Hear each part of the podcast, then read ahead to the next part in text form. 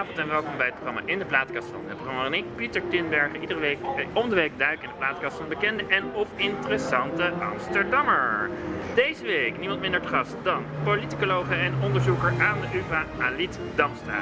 In een periode waarin heel veel mensen zich onterecht druk maken over de economische impact die de maatregelen om corona te bestrijden uiteindelijk zullen hebben, iemand te gast die onderzoek heeft gedaan naar de impact van het beeld dat wij, de burger, zeg maar, hebben van de economische nieuws en wat daarvan klopt. En ik zie er heftig knikken, dus ik zat heel erg te twijfelen, gaat dit kloppen?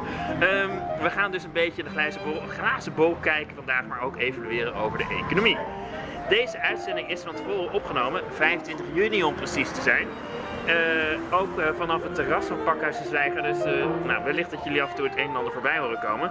Maar er worden dus ook wellicht dingen gezegd die later helemaal niet meer waar blijken te zijn. Of verouderd of dat soort dingen. Maar goed, we zullen het zien als dit wordt uitgezonden hoe actueel het nog is. Een groot plezier haar in ieder geval deze week te mogen ontvangen op het terras van Pakhuis de Zwijger. Aliet Damstra, van harte welkom. Dankjewel. Ja, en uh, nou, net als een gewone uitzending, zeg maar, uh, heb je ook uh, muziek bedacht van tevoren. Ja. En straks gaan we uitgebreid praten, maar we gaan eerst beginnen met muziek. en wat voor soort sferen komen in terecht? Of heb jij eigenlijk alleen het eerste nummer bedacht? Want, heb nee, je al, nee, nee, je dan... nee, ho ho, ik heb er helemaal over nagedacht. Oh, wat goed.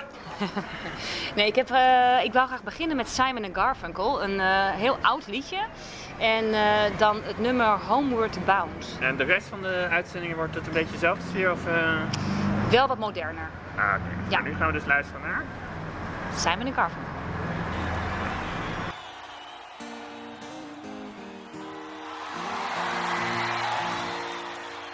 I'm sitting in the railway station, got a ticket for my destination. Mm.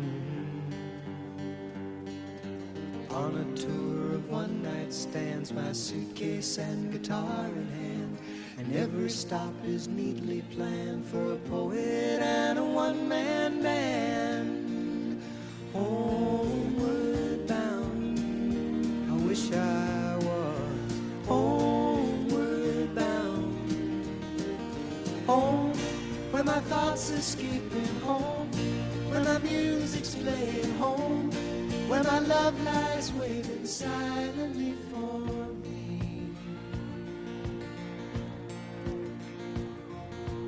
Every day's an endless stream of cigarettes and magazines. Mm-hmm. And each town looks the same to me the movies and the factories. And every stranger's face I see reminds me that I long to be homeward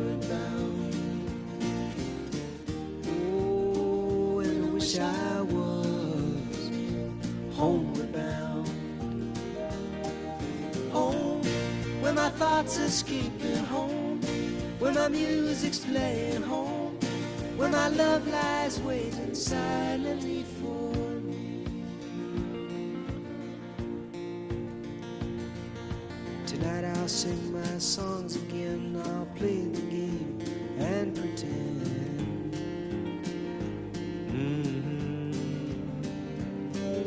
But all of my words come back to me in shades of mediocrity, like emptiness in harmony.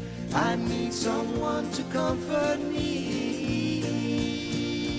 Homeward bound, I wish I was homeward bound. Home, where my thoughts are escaping home, where my music's playing home, where my love lies waiting silently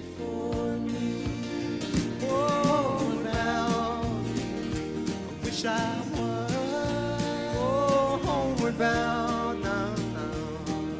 Home, where my thoughts are escaping home, where my music's playing home, where my love lies waiting silently for me.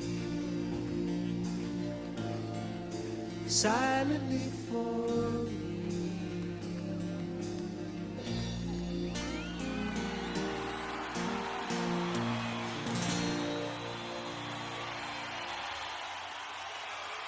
En u luistert naar In de Plaatkast van... eh, we hadden het net over iemand anders, raak ik daarvoor afgeleid. Maar gewoon eh politicoloog, eh, onderzoekster Alit Damstra. En eh, nou, waar we natuurlijk ehm, allemaal erg mee bezig zijn geweest, waar je ook ehm, is over de invloed van corona op hoe wij tegen de politiek aankijken. En ik zag dat je onderzoek had gedaan, wat je kort geleden op Twitter had gezet, voor de Bejaarde Beckman Stichting van Ja. de PvdA. Waarbij je werd aangaf van hoe erg worden politieke partijen met, ehm, met een bepaald onderwerp geïdentificeerd. Ja, klopt. En toen dacht ik, hé, waarom staat COVID-19 er niet bij, bij een onderzoek dat je nu pu- publiceert? Ja, ik moest voor dat artikel inderdaad helaas me baseren op nog wat oudere data. En daar Ja. is COVID-19 nog helemaal niet in terug te vinden. Nee. Maar inderdaad, ja, de vraag is. ehm, voor het artikel heb ik inderdaad gekeken naar de associatie, de link die mensen leggen tussen een onderwerp aan de ene kant en een politieke partij aan de andere kant. En hoe dat dan weer een invloed heeft op hun stemkeuze. Ja. Eh, is het een typisch elite onderwerp? Ehm, nou, ja, het verraadt een beetje mijn politi- politicologische achtergrond.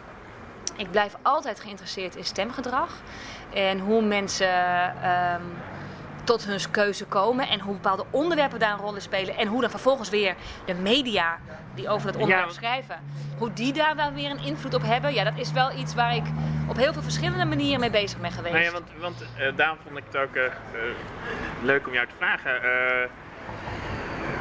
Ik heb het idee dat alleen Rutte echt profiteert als het ware van COVID-19. Ja. Dat gevoel heb ik tenminste een beetje. Nou, Rutte doet wel iets ongelooflijk knaps. Want ehm, ja, die blijft inderdaad heel succesvol, ook als premier, eigenaar van de economie. En eh, we maken ons met z'n allen heel erg zorgen over de economie. Ja. Daar hebben we nu op dit moment ook heel veel reden toe. En dan zie je dat hoe belangrijker wij die economie met z'n allen vinden, hoe sterker eigenlijk de invloed is van dat onderwerp op onze stemkeuze. En en dan zie je dat de associatie die wij hebben bij een onderwerp, de associatie, eh, de politicus of de partij waar wij dat mee associëren, Ja. dat dat vaak een sterke voorspeller is van de stem die wij uitbrengen. Dus ja, Rutte, of de VVD moet ik eigenlijk zeggen, maar Ja. goed, Rutte is daar op dit moment natuurlijk wel het gezicht eh, van. Die, eh, die doen dat ongelooflijk knap. Die zijn al jaren achter elkaar de ondernemerspartij in Nederland. Maar ook een partij waar veel mensen werkgelegenheid bijvoorbeeld of de arbeidsmarkt eh, mee associëren. En dat zijn doorgaans ook onderwerpen waar veel aandacht voor is in het nieuws. Zeker in tijden van crisis. En dan zie je dat dat, eh, dat dat ze helpt eigenlijk. Ja. Dus, nou ja, wat, wat een beetje eh, jouw stelling lijkt ermee is van, eh, je moet eigenlijk als partij, want je, nou ja, wat ik van je gelezen heb zo snel in de gauwigheid, noem je vrij weinig poppetjes. En dan heb je het vrij goed over de, veel over de onderwerpen zelf. En je zegt, wat ik eh, een beetje hoor, is het is misschien bijna belangrijker als partij natuurlijk, onder leiding van een poppetje, eh, om het onderwerp op een goede manier te kunnen claimen. Ja, dat is duurzamer. Ik heb een. ehm, Ja, ik snap, ik snap jouw vraag. Want in die zin heb ik in de artikelen die ik over dit onderwerp heb geschreven. altijd gekeken naar langere tijdsperiodes. Ja, Ehm, en dan zie je inderdaad dat vooral dat onderwerp, dat thema en het eigenaarschap, dat dat echt dat dat op, eh, voor langere tijd kiesgedrag eh, kan verklaren. Ehm, ik heb onderzoek gedaan ook naar Wilders en de PVV. Ja. En wat je dan LPF ziet. ook nog een beetje, zag ik in de... LPF zelfs ook nog, ja. eh, en, en ook Forum voor Democratie kwam daarin voorbij. Dus eigenlijk Ja. kortom naar stemgedrag op de rechterkant van het spectrum. Ja. En, en als je kijkt naar bijvoorbeeld de PVV, dan zie je dat in die beginjaren van een nieuwe partij het poppetje ontzettend belangrijk is. Dus de politicus, Wilders in dit geval, om legitimiteit en geloofwaardigheid te verwerven als politieke partij. Ja, is die zichtbaarheid, die is, die is onvermijdelijk noodzakelijk. Omdat mensen gewoon anders niet weten wie je bent en waar je voor staat.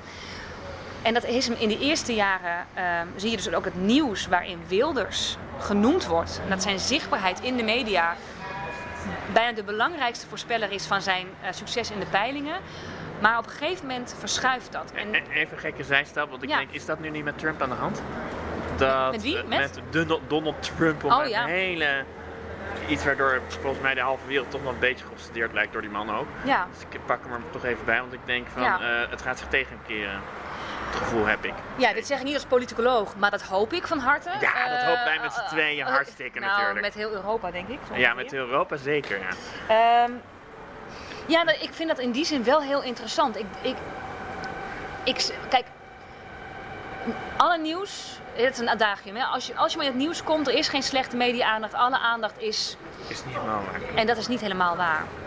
Dat is precies wat ik wou zeggen. Ja, sorry. In het geval van Trump zie je nu een soort eh, eh, kentering waarvan ik me voor kan stellen dat we straks gaan zeggen, kijk, daar begon het. Toen begon, die toon in de media die wordt ook anders en je ziet dat ook die steun eh, afneemt. Ja. Ehm, want de toon in het nieuws doet er ook heel erg toe. We hebben het over zichtbaarheid, we hebben het over zichtbaarheid van politici, zichtbaarheid van thema's. Maar natuurlijk gaat het ook over de manier waarop er over je geschreven wordt. Ja. Dat is ook wel degelijk van invloed. Nou ja, ehm kan het helpen als men negatief over je is? Nou, als ik nog terug mag koppelen naar het onderzoek wat, Ja. wij, of, of wat ik over Wilders gedaan heb in de PVV. eh, dan zie je dat in dat eerste bestaan van die partij. Dat het eigenlijk vooral gaat over media-aandacht. En dan moet daarbij opgemerkt worden dat het echt niet alleen maar positieve aandacht was wat hij toen kreeg. Nee. Oh. Er werd toen ook heel kritisch over hem geschreven. En toch zie je dat, even in zijn algemeenheid, dat die aandacht een positieve werking heeft gehad voor steun die hij genoot in de peilingen. En die hij vervolgens ook kreeg. eh, Die negatieve aandacht bedoel je? ja, die, Ja, dat, dat, want, dat die nou, toon negatief was, maakte niet zo heel, Nee, maakte ik, ik heb voor wel het hem niet zo dat heel eh, veel uit. bij Femke Halsema het af en toe tegenwerkt dat ze best wel geliefd is bij veel eh, journalisten.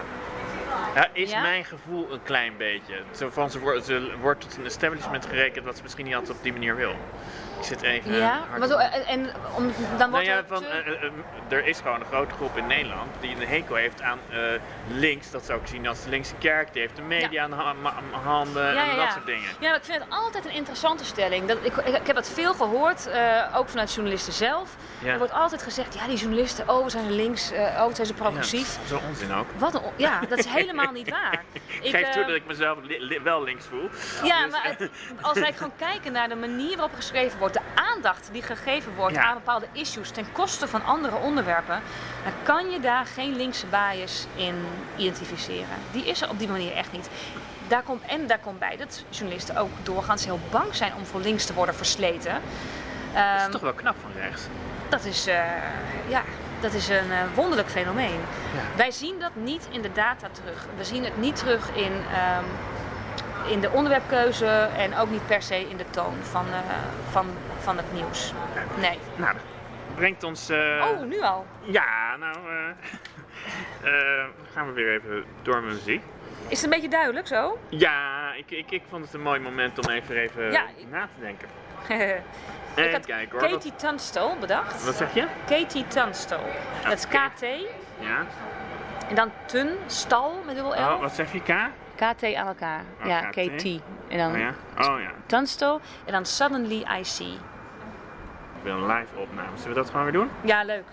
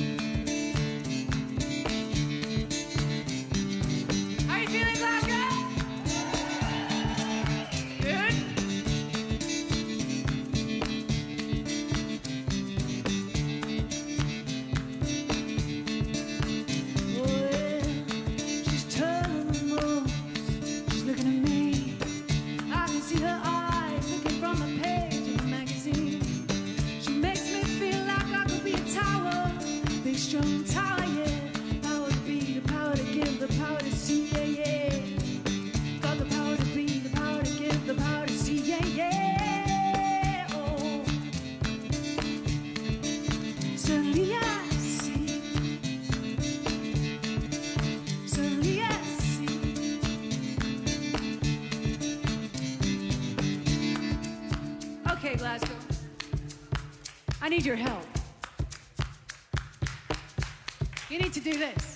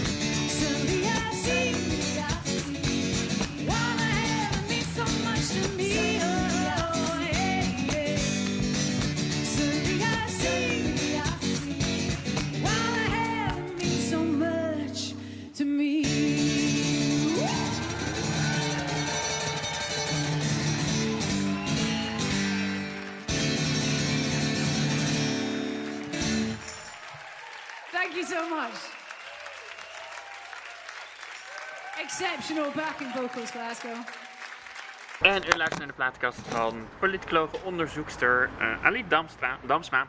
Damstra hoor. Damstra, zei het oh ja. perfect. Ja, ik zei het perfect. Eh, eh, whatever. Ehm, en eh, we hebben net geluisterd naar Katie Tunstall met Suddenly I See.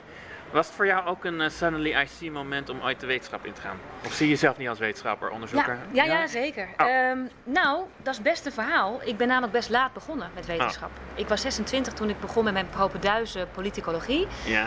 En daarvoor heb ik compleet iets anders gedaan. Oh, wat dan trouwens? Dat wil ik dan Eh, wel meteen weten. Ik zat in de theaterwereld. Ik was acteur, Oh, actrice. heb je nog in dingen gespeeld waar we je in theorie van zouden kunnen Ah, kennen? je hebt vast wel eens wat commercials gezien waar ik in zat. En ik heb, ik heb veel theater gedaan. Dat is dan weer door minder mensen gezien, maar het was wel erg leuk. Ja. En ehm, nee, geen grote, Nee, grote maar je- beroemde acteurs eh, dingen. Nee. Maar ik heb het met heel veel plezier gedaan. Ja. Eh, ik, ik- en ik heb toneelschool gedaan en toen dus ben ik een Waar in Amsterdam? Utrecht. Oh, Utrecht, ja. Ehm, en na verloop van tijd begon ik het, ehm, hoe leuk ik het werk verder ook vond, maar begon ik het, eh, ja, het intellectuele heel erg te missen. Ja. Ik ben uiteindelijk gewoon ook een beetje een nerd. Dus ja. ik, ik, En wa- wa- wat opzicht vind je jezelf een nerd dat je er van, van houdt om boeken te lezen? Of ik zeg maar iets geks? Of, eh, ja, ik denk het op, gewoon op dat gebied uitgedaagd en, en uitgedaagd worden Ja, en, en- je, en beter worden niet. en misschien minder behoefte om jezelf op een podium te zetten. Ja, ook. En ik vond ook, daar moet ik er wel bij opmerken, ook eh, ik vond het werk zelf fantastisch. Ik ben nog steeds een heel groot liefhebber ook van theater. Ja. Ehm, ik vond alleen heel ingewikkeld dat ik zo weinig regie had over mijn eigen loopbaan. Dus ik, ik had wel altijd werk, maar Ja. ik kon niet kiezen, goh, nu wil ik hier iets over doen of nu wil ik die kant op. Ja. En dat begon ik al na een verloop van tijd, eh, na een paar jaar al, echt ongelooflijk irritant te vinden. Ja.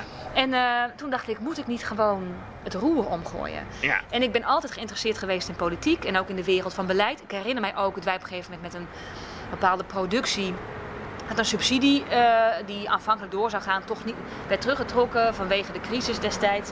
En, dat ik toen, Crisis van 2009 hebben we Ja. over, denk ik. en toen realiseerde ik me, nee, ik wil nadenken over dat beleid in plaats van dat ik te horen krijg, helaas, dit is het beleid. Ik wil Ja. aan die andere kant zitten.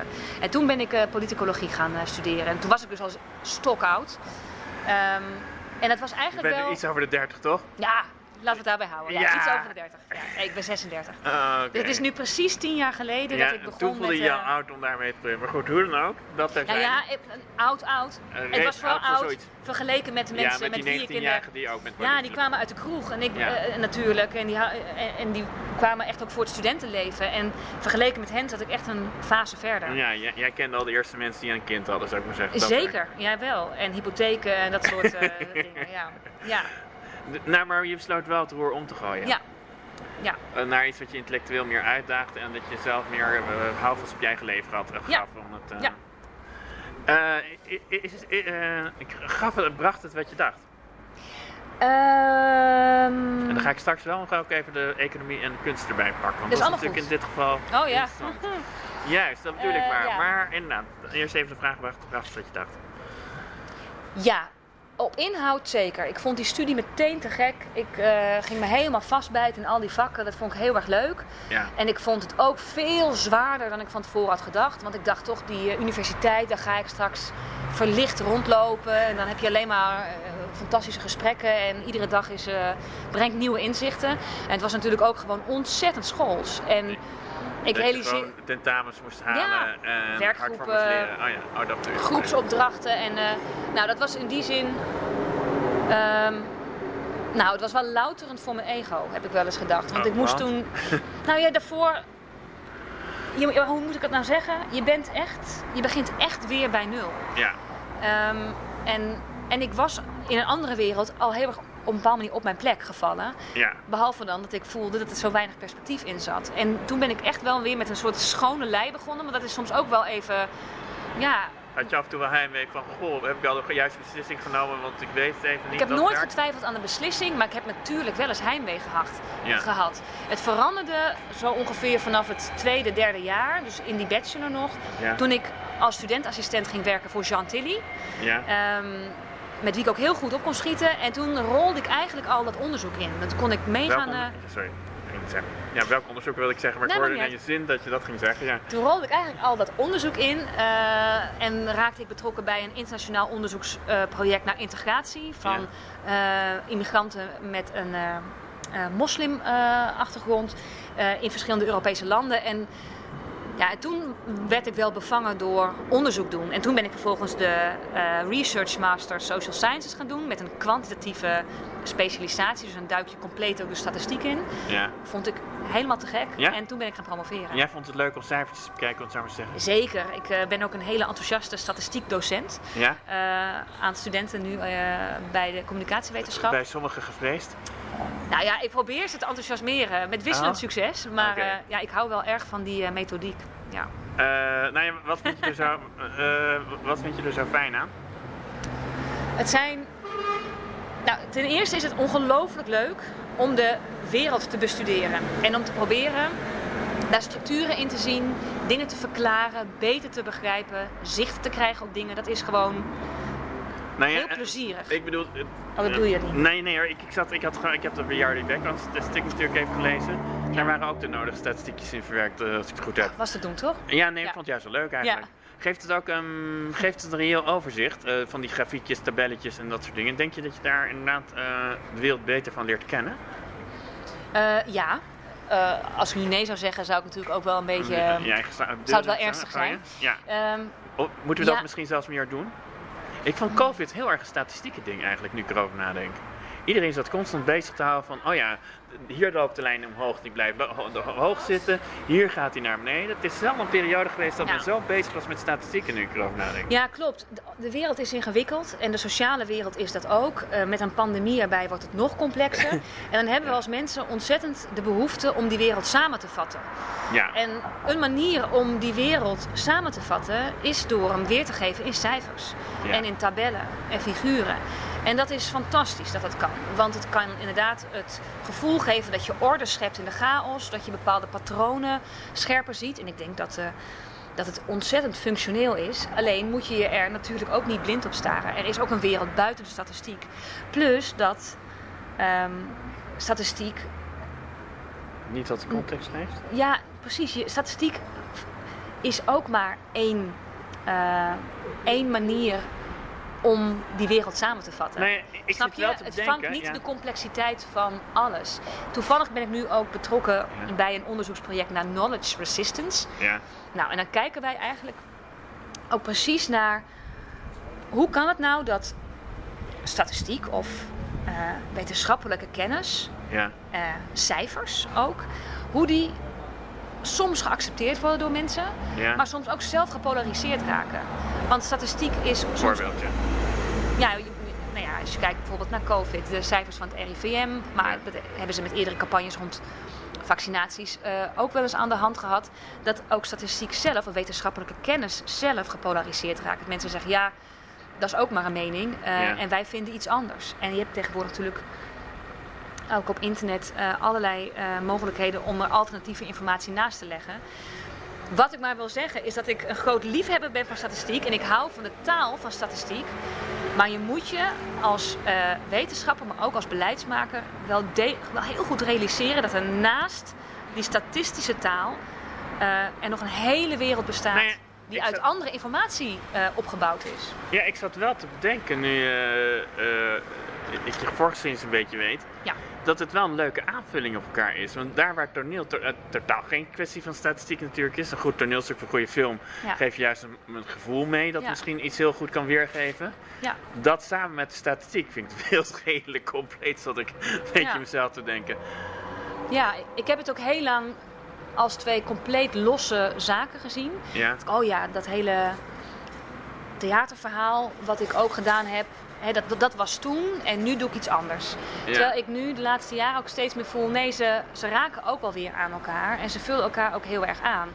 Dus ik denk dat het precies is zoals je zegt. Die statistiek is één manier eh, om informatie te communiceren of om een deel van de werkelijkheid, de wereld in samen te vatten. Maar de kunst nee, pakt een ander deel Als je daarvan. inderdaad de politiek bekijkt, dan kan je zeggen van, ik kan er geen een voorbeeld nemen, maar eh, een goed toneelstuk van Shakespeare zou ik maar Ja. zeggen, kan een politieke kwestie heel goed uitleggen, of populisme bijvoorbeeld. Maar eh, aan de andere kant kan je dat ook eh, zo, ik word een beetje afgeleid door een ja, Ja. ook die voorbij gaat, ik denk dat Ja. het ook hoort. Ehm, aan de andere kant kan je dat ook weer goed weergeven in statistieken. En, en los van elkaar zou ik bijna zeggen, heb je net niet... Ja, van, vertel je eigenlijk een incompleet verhaal. Ja. Eh, het, is, het is niet misschien helemaal hetzelfde, maar je hebt ook altijd die eindeloze discussie over kwantitatieve wetenschap versus kwalitatieve wetenschap. Ja. Weet je wel? En, dat, en Jij ik ben kwalitatief vooral, toch? kwant, ben ik. Hè? Ja. Dus dat is die hele statistische kant. Oh, met, oh eh, ja. Dat is eigenlijk, hè, dat is de, hele filosofie is dan... Het, komt, het komt terug op waar we het over hadden hoor. Is dan, hey, je kan die sociale werkelijkheid in cijfers vangen. Terwijl anderen zeggen, dat kan je helemaal niet. Want dat is per definitie een incompleet verhaal. Eh, de belangrijkste informatie blijft altijd buiten beeld. Want die is niet te vangen in cijfers. Daarvoor heb je taal nodig. Heb je eh, gesprekken nodig met mensen. Ik denk dat inderdaad, in lijn met waar we het nu net ook over hadden... dat, dat, je van, het van, dat je van elkaar moet profiteren. En dat je elkaar niet uit moet sluiten, maar dat je juist eh, beide talen nodig hebt. Nou ja, eh, waar ik af en toe een beetje bang voor ben. de Vertel. kunst doen in het volgende blokje. Oh ja, is die opiniepeilingen bijvoorbeeld. Ja. Waar je mee wordt doodgegooid, dat een eigen dynamiek gaat leiden. Waarvan ik af en toe denk van, is die, is die eh, opiniepeiling dynamiek eh, wel nuttig voor het democratisch proces? ja. Daar eh, zijn hele boekkasten vol over geschreven. Wat denkt Alit daarover? Jij bent mijn boekenkast van vandaag. ja. Ja, ik denk dat je. Er, zijn, er gaan ook stemmen op. Ja, ik, ik zit even na te denken, wat vind ik daarvan? Ik heb er geen mening over nog over. Ja, Je, je zit er een beetje in dubio, merk ik. Je, ja, ik, ik ja sorry, ik ben, er- ik, ben, ik erover aan het nadenken. Heel Kijk, goed. enerzijds is het heel. Wil je eigenlijk idealiter, wil je gewoon dat mensen op basis van hun eigen voorkeuren een stem uitbrengen op die partij die daar het dichtst op zit. Ja. Ongeacht peilingen, ongeacht hoe ze ervoor staan. Tegelijkertijd geven ze ook een bepaalde informatie en, kan je, en bieden ze de gelegenheid om strategische stem uit te brengen. En dat je denkt, nou, dan ga ik maar naar De premier.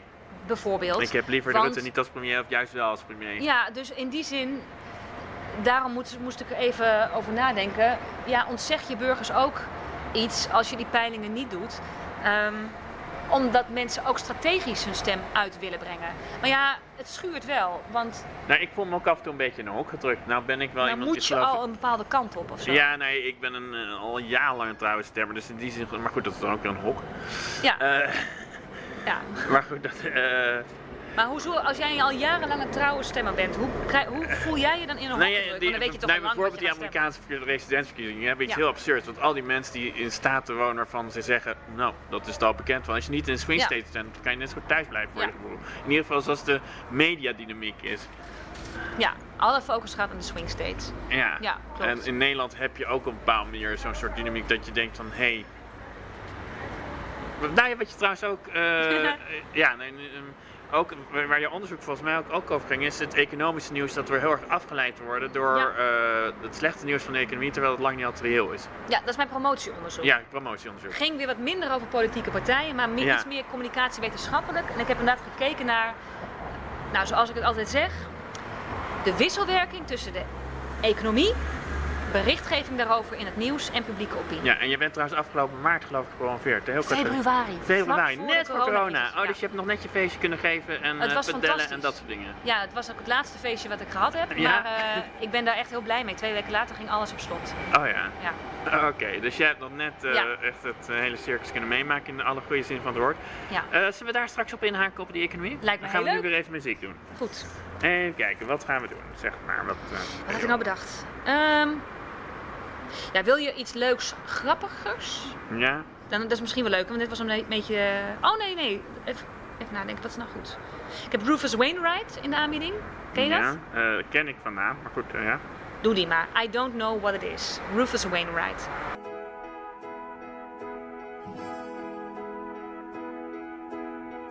I don't know what it is, but you gotta do it. I don't know where to go,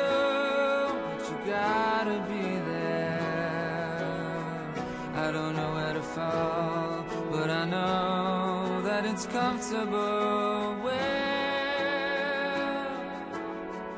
I don't know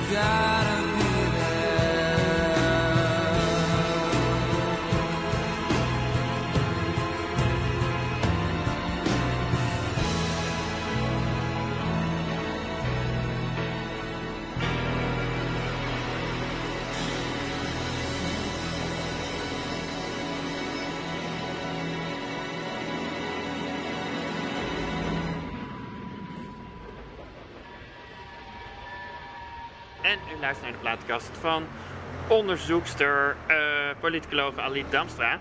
En eh, nou ja, eh, wat in dit gesprek ook bleek, is dat je ook gewoon toneelspeelster bent geweest. Ja, En economisch gezien hebben de, z- zitten ze natuurlijk in een rare hoek op dit moment. De hele toneelwereld met de anderhalve meter, drie maanden. Maak jij je zorgen over je voormalige collega of zeg je van eh, ze zijn misschien weerbaarder dan ze zelf denken? Hmm, nee, ik maak me daar wel zorgen over. Ik, eh, de kunst heeft het moeilijk hoor. En heeft het de afgelopen jaren ook al heel vaak heel moeilijk gehad. En de mensen die ik, die mensen die ik ken die in die wereld werken, dat zijn er best veel. Veel Ja. van mijn vrienden eh, zijn daarin werkzaam. Dat zijn geen. Ja, dat zijn geen mensen die, die voor dat vak gekozen hebben om rijk eh, te worden. Het zijn allemaal mensen die keihard werken voor weinig en daar hun groot talent insteken. Ja, En ik heb daar wel ook met verbijstering naar gekeken. Er komt ineens een pandemie. Wat niemand aan had zien komen. En hoe dat hoe voor- dat uit zou werken, ja. En, hoe de, ja, en die uitwerking daarvan en, eh, en de enorme impact die dat heeft, juist op de culturele sector. Ja, ik maak me daar wel zorgen over. Ik ben benieuwd hoeveel theaters eh, de komende jaren om gaan vallen. En de consequenties die dat gaat hebben voor het eh, landschap in Nederland. De gezelschappen, de makers. En dus ook de spelers. Ik Gaat zie nu Amsterdam ook... ook veranderen, denk je? Het is toch een culturele eh, hoofdstad van Amsterdam. Ik hoop van niet, maar ik kan mij voorstellen dat dit cultureel gezien nog een grote, grote impact gaat hebben. Ja, en dan wordt inderdaad wel snel over kunstenaars gesproken als in, nou, verzin iets, wees inventief. Creatief, Jullie dat zijn is toch jullie zo, vak. ja, jullie zijn toch zo creatief. Maar daar heb ik een beetje een hekel aan, want eh, het is ook een vak. Ja, En schoorstenen moeten branden. ja man, het is een ambacht en daar wordt voor gewerkt en, die, en daar moet je de omstandigheden ook voor creëren om ze te laten werken. En ik zie om mij heen 101 fantastische initiatieven op locatie, in de buitenlucht, in een vliegtuig, wat ze verzinnen. Ja. Maar daar zit op een gegeven moment ook een grens aan. Dus ja, ik ben daar wel bezorgd over. Nee, wat ik me wel heb afgevraagd toch, is waarom... ehm, op, nee, ze worden vaak naast elkaar gelegd. En nou, ik ben ook natuurlijk gekleurd. Eh, waarom Schiphol toch in ieder geval in de politiek zo eh, bijna gedachteloos 300 miljoen krijgt. Ja. En de culturele sector waar helemaal niet zo heel veel minder banen aan vastzitten. Eh, want je hebt ook nagedacht, zoals bij onderzoek over de economie en media, hoe de, media, hoe de mediadynamiek werkt en de Ja. besluitvorming daaromtrent. Ja. Is dat niet heel gek op manier? Ja, ik denk dat de media hierin ook een belangrijke rol spelen. Want het heeft ook te maken met, ja, wij noemen dat dan framing. Dus Ja. het frame, het raamwerk waarbinnen iets wordt eh, gecommuniceerd. En er is iets geks aan de hand met de kunsten. De kunstenaars worden in Nederland toch echt heel vaak gezien als mensen die hun hand ophouden en die subsidie nodig hebben en dan allemaal vage dingen gaan doen en dan ergens op matras slapen. en- Nou ja, Precies. ja. Uh, omdat Eh, hun gestem gehoord moet worden. Nou, dat- zijn echt.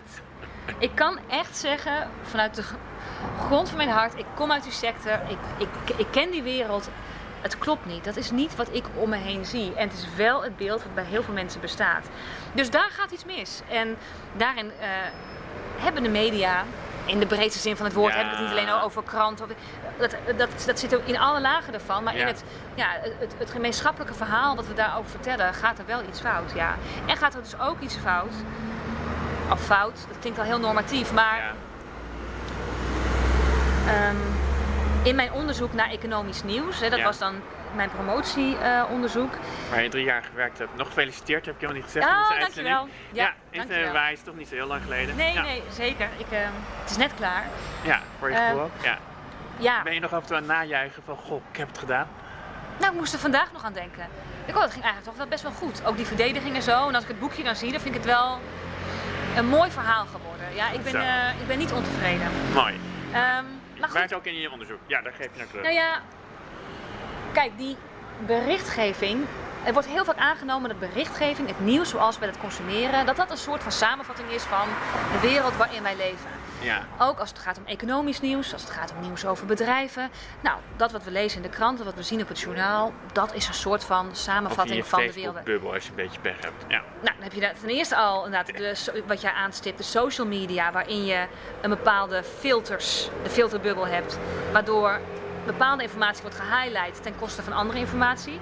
Maar zelfs als je nog, eh, lo- nog los van de ehm, social media, Ja. zelfs als je gaat kijken naar de traditionele outlets, ja, dan zie je dat bepaalde aspecten buiten beeld blijven en dat bepaalde aspecten juist heel prominent aanwezig zijn. Zo ook bedrijven. Schiphol is een heel bekend, consumentgericht bedrijf dat we allemaal ehm, kennen. Ja. Waar we, waar we allemaal waarde aan hechten. En waar dus ook, het staat hoog op de publieke agenda, zoals we het dan zeggen. Ja. Er wordt veel over bericht. eh, dus ook hoog op de mediaagenda. Dat versterkt elkaar. En dus ook hoog op de politieke agenda. Eh, nog los van de economische kosten van Schiphol laten vallen, want die zijn enorm, dat realiseer ik me. Maar zo zijn er ook hele takken van sport die eh, relatief onderbelicht blijven. En die dus daardoor ook minder urgentie hebben op het moment dat er ehm, een crisis eh, plaatsvindt. ja. Dus ja, daar. Die beeldvorming is daarin belangrijk en die media spelen daarin een eh, grote rol. Kan je dat een beetje, eh, eh, kan je bijvoorbeeld in de economie kan je zien dat bepaalde bedrijven dat toch wel ten gunste, ja, kan je, kan je daar toch een beetje mee spelen? Eh, ten gunste keren, zou ik maar zeggen. Als bedrijf. Ja, of als sector, of als, Ja. of zeg je van, nou ja, je, je, je beschrijft het een beetje nu als iets statistisch. Bijna, je kan er bijna niks tegen doen. En dat is, eh, ja of er eh, nog agency in zit voor, eh, voor, Nou ja. voor bedrijven die. nou ja, laten we gewoon allebei vanuit degene waar wij stiekem een beetje van houden, de theatersector. Ja. Kan die misschien, dat is ook toch een, econom, ook een economische sector, ook, want er werken ook gewoon horeca mensen. Ik bedoel, het is niet alleen de de toneelspelers. Kan je daar nog iets in keren zodat dat, dat eh, lekkerder ligt? Ja, dat is een beetje een gewetensvraag. Want het eerste antwoord wat ik je zou willen geven is... Ja, natuurlijk, frame het economisch. Ja. Kijk naar de omzet die ze maken. De, de werkgelegenheid die het verschaft. Bij het concertgebouw werken 130 mensen. Dat, die wil je niet zomaar wegwerken. Zet dat voorop. Want dat zijn de argumenten die ertoe doen. Zeg, Eh, daar wordt naar in- geluisterd. In 2000 was dat zo trouwens, nu weet ik het niet meer. Ja. Ja, nou, het is ongetwijfeld eh, zijn er nog steeds een hoop. Ja. Dus zet het in economische termen uit, want dat, ehm, hè, dat, dat resoneert veel sterker dan het culturele verhaal van wij zijn juist nu belangrijk, et cetera.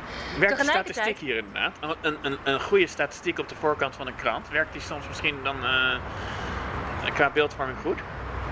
Ja, ik denk dat je, dat, dat je als je iets, het, het economic consequences frame, wat eh, heel veel wordt gebezigd, Ja. dat is vaak vrij effectief. Want we denken eh, als beleidsmakers en als eh, politici, denken we in termen van, vaak in termen van economische effecten, economische gevolgen. Ja. Nou, dat sluit daarop aan en dan wordt er ook op die manier naar gekeken. En dan, ehm, ja, dan, dan, dan resoneert dat veel meer. Tegelijkertijd voel ik ook Ja. wel een beetje weerstand. Denk, ja, dan moet je dat ook weer daarin gieten. Terwijl soms zijn dingen ook belangrijk los van de economische waarde. Het is toch ergens ook wel armoede als je alles in economische gevolgen moet gieten, wil het effect hebben. Ja. Ben je trouwens, zit ik opeens te bedenken, eh, volgens mij, iedere we- wetenschapper moet iets hebben van enerzijds, anderzijds. Ja, Oh, dan ben je het gewoon lekker. Ja, dat, nou ja, dat is wel een beetje. dat is wel onze- handig. Ja. Is dat ook misschien eh, wat je lekker vindt aan wetenschap en wat misschien een toneelspeelster wat minder heeft, die zich altijd helemaal moet laten durven gaan? Mm, Die af en toe helemaal enerzijds en anderzijds even helemaal vergeten in het uiten van zijn. Of moet je eigenlijk ook als toneelspeelster altijd enerzijds, anderzijds zeggen? Of is het. ja, voor het spelen van een karakter heb je vaak, als dat een beetje een karakter is met diepgang, heb je natuurlijk ook meerdere kanten en meerdere emoties en meerdere gedachten. En is dat ook wel heel rijk geschakeerd. Maar het is wel een, he- het is, het, het is een compleet, het doet een compleet ander beroep op, op wie je bent. Ja, En wat ik heerlijk vind aan wetenschap is dat, ik, dat, het, dat, het, dat het een bepaalde rationaliteit heeft. Er komt ook wel een, een zekere crea- creativiteit bij kijken en zo. ja. Nou ja, dat proefschrift. Ja, Daar moet je ook wel een beetje in jezelf op een gegeven moment kijken. Of is het vooral echt lezen en concluderen en. nou, je moet zelf ook wel flink aan de bak. Je moet flink nadenken. En, Ja. en, en ook. Nou, ik, ik vind dat hele eigenlijk is het altijd wel een, een, een leuke vraag als je het helemaal afpelt naar de kern. Wat is nou eigenlijk zo leuk aan iets wat je leuk vindt? Wat, Ja. waar, zit nou die, waar zit nou dat plezier in? Ik denk dat het bij mij, ja, het wetenschappelijke, ik vind het nadenken en schaven en, en zeker op het moment als het dan bij elkaar komt, dat je denkt, ah man, zo zit het. Of zo werkt iets. Dat je, het voelt toch alsof je een puzzeltje oplost. En dat vind ik ontzettend leuk. Ja. Maar het voelt wel als een. Wa- wanneer heb je de sterkste eh, dat je niet meer nadenkt en lekker bezig bent gevoel in het werk? Ik denk dat het data-analyse is. Dat ik dat stiekem wel het leukst vind. Gewoon dat je al die grafiekjes en Ja, dingen bij elkaar grafiek. kijkt en een soort samenhang probeert te zien. Je schept orde in de Ja. chaos. Soms, zie, soms komen er ineens patronen naar boven. Dat je denkt, ah, natuurlijk. En het mooie is, het gaat over de wereld. Want je hebt die data op, hè, met bepaalde methodieken verzameld. Het is representatief. Ehm, dus het moet voldoen aan allerlei voorwaarden. Maar ja, als je dan, dat dan ook op die manier verzameld hebt, dan mag je ook echt met een bepaalde zekerheid iets zeggen over een fenomeen. Over succes van partijen, over eh, welzijn van Nou ja, mensen. wat je over wat dan ook. bijvoorbeeld eh, Dat is heel interessant. zei, eh, nou ja, nee, ehm, wat is de laatste keer dat je inderdaad dat gewoon, ik mag eergisteren zijn of vorige week, dat je opeens als puzzelend dacht, hé, hey, dat is grappig, maar het blijkt wel te kloppen. Nou, dat was deze week. Want ik werk nu aan een eh, onderzoek naar, ja, we noemen dat dan nieuws avoidance. Dat is natuurlijk allemaal... eh, allemaal... Nieuwsontwijking, ik Ja. zeg het even meteen lelijk of goed vertaald. Nee, perfect vertaald. Nieuwsontwijking. Ehm, en, we, ki- en dan kijk ik naar de impact van het niet consumeren van nieuws. Dus we, we hebben data, een hele groot, ehm, grote enquête gehouden in Zweden. Het zijn Zweedse Ja. data. Naar mensen die, naar een hele grote groep mensen, duizenden mensen, naar Ja. hun gedrag, hun nieuwsconsumptiegedrag. En vervolgens kijk ik dan naar dus nieuwsontwijking. Ja. En of dat nou heel bewust gebeurt, of dat mensen eigenlijk onbewust, doordat er zoveel nieuws is, we noemen dat een de high choice media environment, er is zoveel te kiezen. Eigenlijk kijk je dan gewoon liever naar eh, het, la- Nee. het laatste roddels Nee, en nee. mis je het nieuws. Neem corona. Ik werd op een gegeven moment Ja. zo moe in Ja. half maart dat ik dacht, ik ga nu nog maar maximaal één keer per dag coronanieuws Ja, kijken. en de een, rest. eh, eh, een bewuste nieuwsavoider. ja, inderdaad. Ik ben even een bewuste nieuwsavoider geweest. Precies naar die groep kijken we dus. En dan eh, ook naar hun, eh, of ze dan ook echt daadwerkelijk geen nieuws consumeren of stiekem toch wel een beetje eh, Ja, via via. En dan kijk ik naar de impact daarvan op kennis. Ja, Het gaat hè, allemaal over wanneer, onder welke omstandigheden mensen kennis accepteren, wetenschappelijke kennis accepteren. Nou ja, daarin zaten bepaalde patronen waar ik heel blij van werd. Oh, wa- wat dan? Ga je daar nog niks veel over zeggen? Wanneer, is wanneer wordt dat gepubliceerd? Oh, dat gaat allemaal ongelooflijk langzaam. Dus ik, ehm, oh, ja. ja, dus nu heb ik straks een eerste versie van het artikel. ja. Dan heb ik nog co-auteurs in allerlei landen eh, die daar ook iets Oh, over te is zeggen leuk. hebben. Eh, je doet best wel internationaal eh, eh, via de Skype en dergelijke. Zit je met elkaar. Ja, we zien elkaar, we zagen elkaar. welke landen trouwens? Zweden, Israël, Oostenrijk. Nou, gewoon een, een flink gezelschap Ja. over de hele Europese planeet heen. Exact. En normaal gesproken zagen we elkaar twee keer per jaar in Zweden. Alleen Ja. eh, toen kwam corona, dus nu is het allemaal digitaal. Ja, maar de corona gaat ook voorbij, toch? Dus je kan Ja, dus straks zien we elkaar weer. Ja, Eh, en dan, eh, nou, zij lezen dat dan, zij hebben er ook iets over te zeggen, dan ga ik herschrijven. Wetenschap is herschrijven. Dus Is- dan ga je weer zorgen dat, die, dat dat stuk nog weer sterker en beter wordt. En dan stuur ik het op naar een journal en dan hoop je dat er geen desk reject komt. Ja, je wordt Ja. voortdurend afgewezen. Oh, in die zin is het weer vergelijkbaar met de toneelwereld. Absoluut. Eh, je Ja, doet hoor. audities en je wordt afgewezen. Hier, Ja. je schrijft artikelen en het gaat niet gepubliceerd Welke, worden. welke baan ik ook kies, ik zorg ervoor dat ik in ieder geval vaak afgewezen word. Want eh, dat is blijkbaar, dat blijkbaar de rode draad. eerste man was wel gewoon raak. Ja, Ja. ja, zeker. Goed zo. Eh, in ieder geval, dus dan hoop je dat je geen desk reject krijgt, zoals het heet. En dat je uitgestuurd wordt voor peer review. En dan gaan er nog anonieme peers, die gaan dan een review schrijven. ja. Als je dan heel veel mazzel hebt, dan krijg je major revisions. Ja. Daar moest ik in het begin wel aan wennen. Dan krijg je major revisions. Heb je super erg je best gedaan. Even kijken, vertaald eh, grote ja, helemaal herzieningen. herzien. Grote herzieningen. Nou, dat, is dan, dat is de beste uitkomst. Ja, Want het alternatief is feitelijk reject. ja. Dus dan wordt het alsnog weer afgewezen. Nou ja, en dan ga je die herzieningen die ga je dan, eh, die ga je dan doorvoeren. En dan eventueel nog een ronde eroverheen. En dan uiteindelijk hoop Vind je dat dat nog een beetje leuk? Of eh, is het vooral het begin dat je leuk vindt? Of Ja, is het dat... hangt er vanaf. Je hebt, soms heb je reviews waar je echt iets aan hebt. En dan eh, is het gewoon heel, Zeg heel je, je leuk. hebt gelijk en dan, ja. Ja, denk je, oh, nooit aan gedacht. Oh, dat kan ook nog. Oh, wacht. Misschien doet die variabele inderdaad iets, bla bla. Dat is tof, want dan wordt het gewoon beter. Je hebt ook reviews waarin je denkt, "Ugh, vreselijk. En dan moet je toch denken, ja, ga ik het doen? Ga ik die investering maken? Zeker als ze bijvoorbeeld vragen om nieuwe data te verzamelen, waarvan je eigenlijk zelf denkt, ja, maar dat voegt niks toe. Ja, dan is het soms ook wel een strijd. Ja, Gek, weet je, zoals je het nu beschrijft, zit ik ook gewoon te denken aan je wil een productie op de, op de plank hebben. Op de ene zie ik, zie ik weer een gekke parallel Ja, met toneel. ik, eh, En dat wil maar niet lukken. En dan denkt weer, iedereen wil er een plasje over doen. Subsidiegever gaat ja of nee zeggen, waar Ja. je dan erg afhankelijk van bent. Ja. En uiteindelijk doe je het hopelijk voor wel wat mensen, of juist niet. En dan heb je daar weer een soort dilemma in. Ja, ja, ja, ja. ja, nou ja er, zijn, er zijn ook zeker wel parallellen. Want inderdaad, ook in dit hele proces moet je door al die hoepels. Ja, Maar goed, het wordt er doorgaans wel echt beter van. En eh, ik heb ook al heel vaak mogen meemaken dat iets uiteindelijk gewoon in een mooi journal terechtkomt. En dat het vervolgens gelezen wordt. En dat je dan weer. Dan is het ook wel heel leuk om deel, te maken, deel uit te maken van dat hele proces. Maar. Ik ga er niet over liegen, er zitten ook zeer frustrerende kanten aan. maar jou maakt nog steeds gelukkig hoor ik na gewoon het hele onderzoeken. Nou, brengt ons langzaam bij het einde van de uitzending. Eh, waar gaan we mee eindigen? Ik wil een heel leuk Nederlandstalig eh, nummer laten horen. Ja, Namelijk van eh, de fantastische Maarten van Roosendaal, wijlen helaas. Ja. helaas. Eh, het nummer Judith. Even kijken. hoor. Zit hij nou? En waarom dat nummer? Eh, het is heel grappig, het is heel ontroerend. En wat er heel knap aan is, is dat hij ehm, eigenlijk een heel concreet verhaal... Ja. Ja, in al zijn concreetheid een poëtisch verhaal vertelt. Van een eh, gezin op de camping. Niet natuurlijk nadat je hartelijk hebt dank voor je komst. En aan te kondigen dat volgende week, ik, over twee weken geen idee heb wie dit gast is. Want dit was dus een uitzending die opgenomen werd op 25 juni. En, maar nu gaan we dus luisteren naar Maarten van Roosendaal met Judith.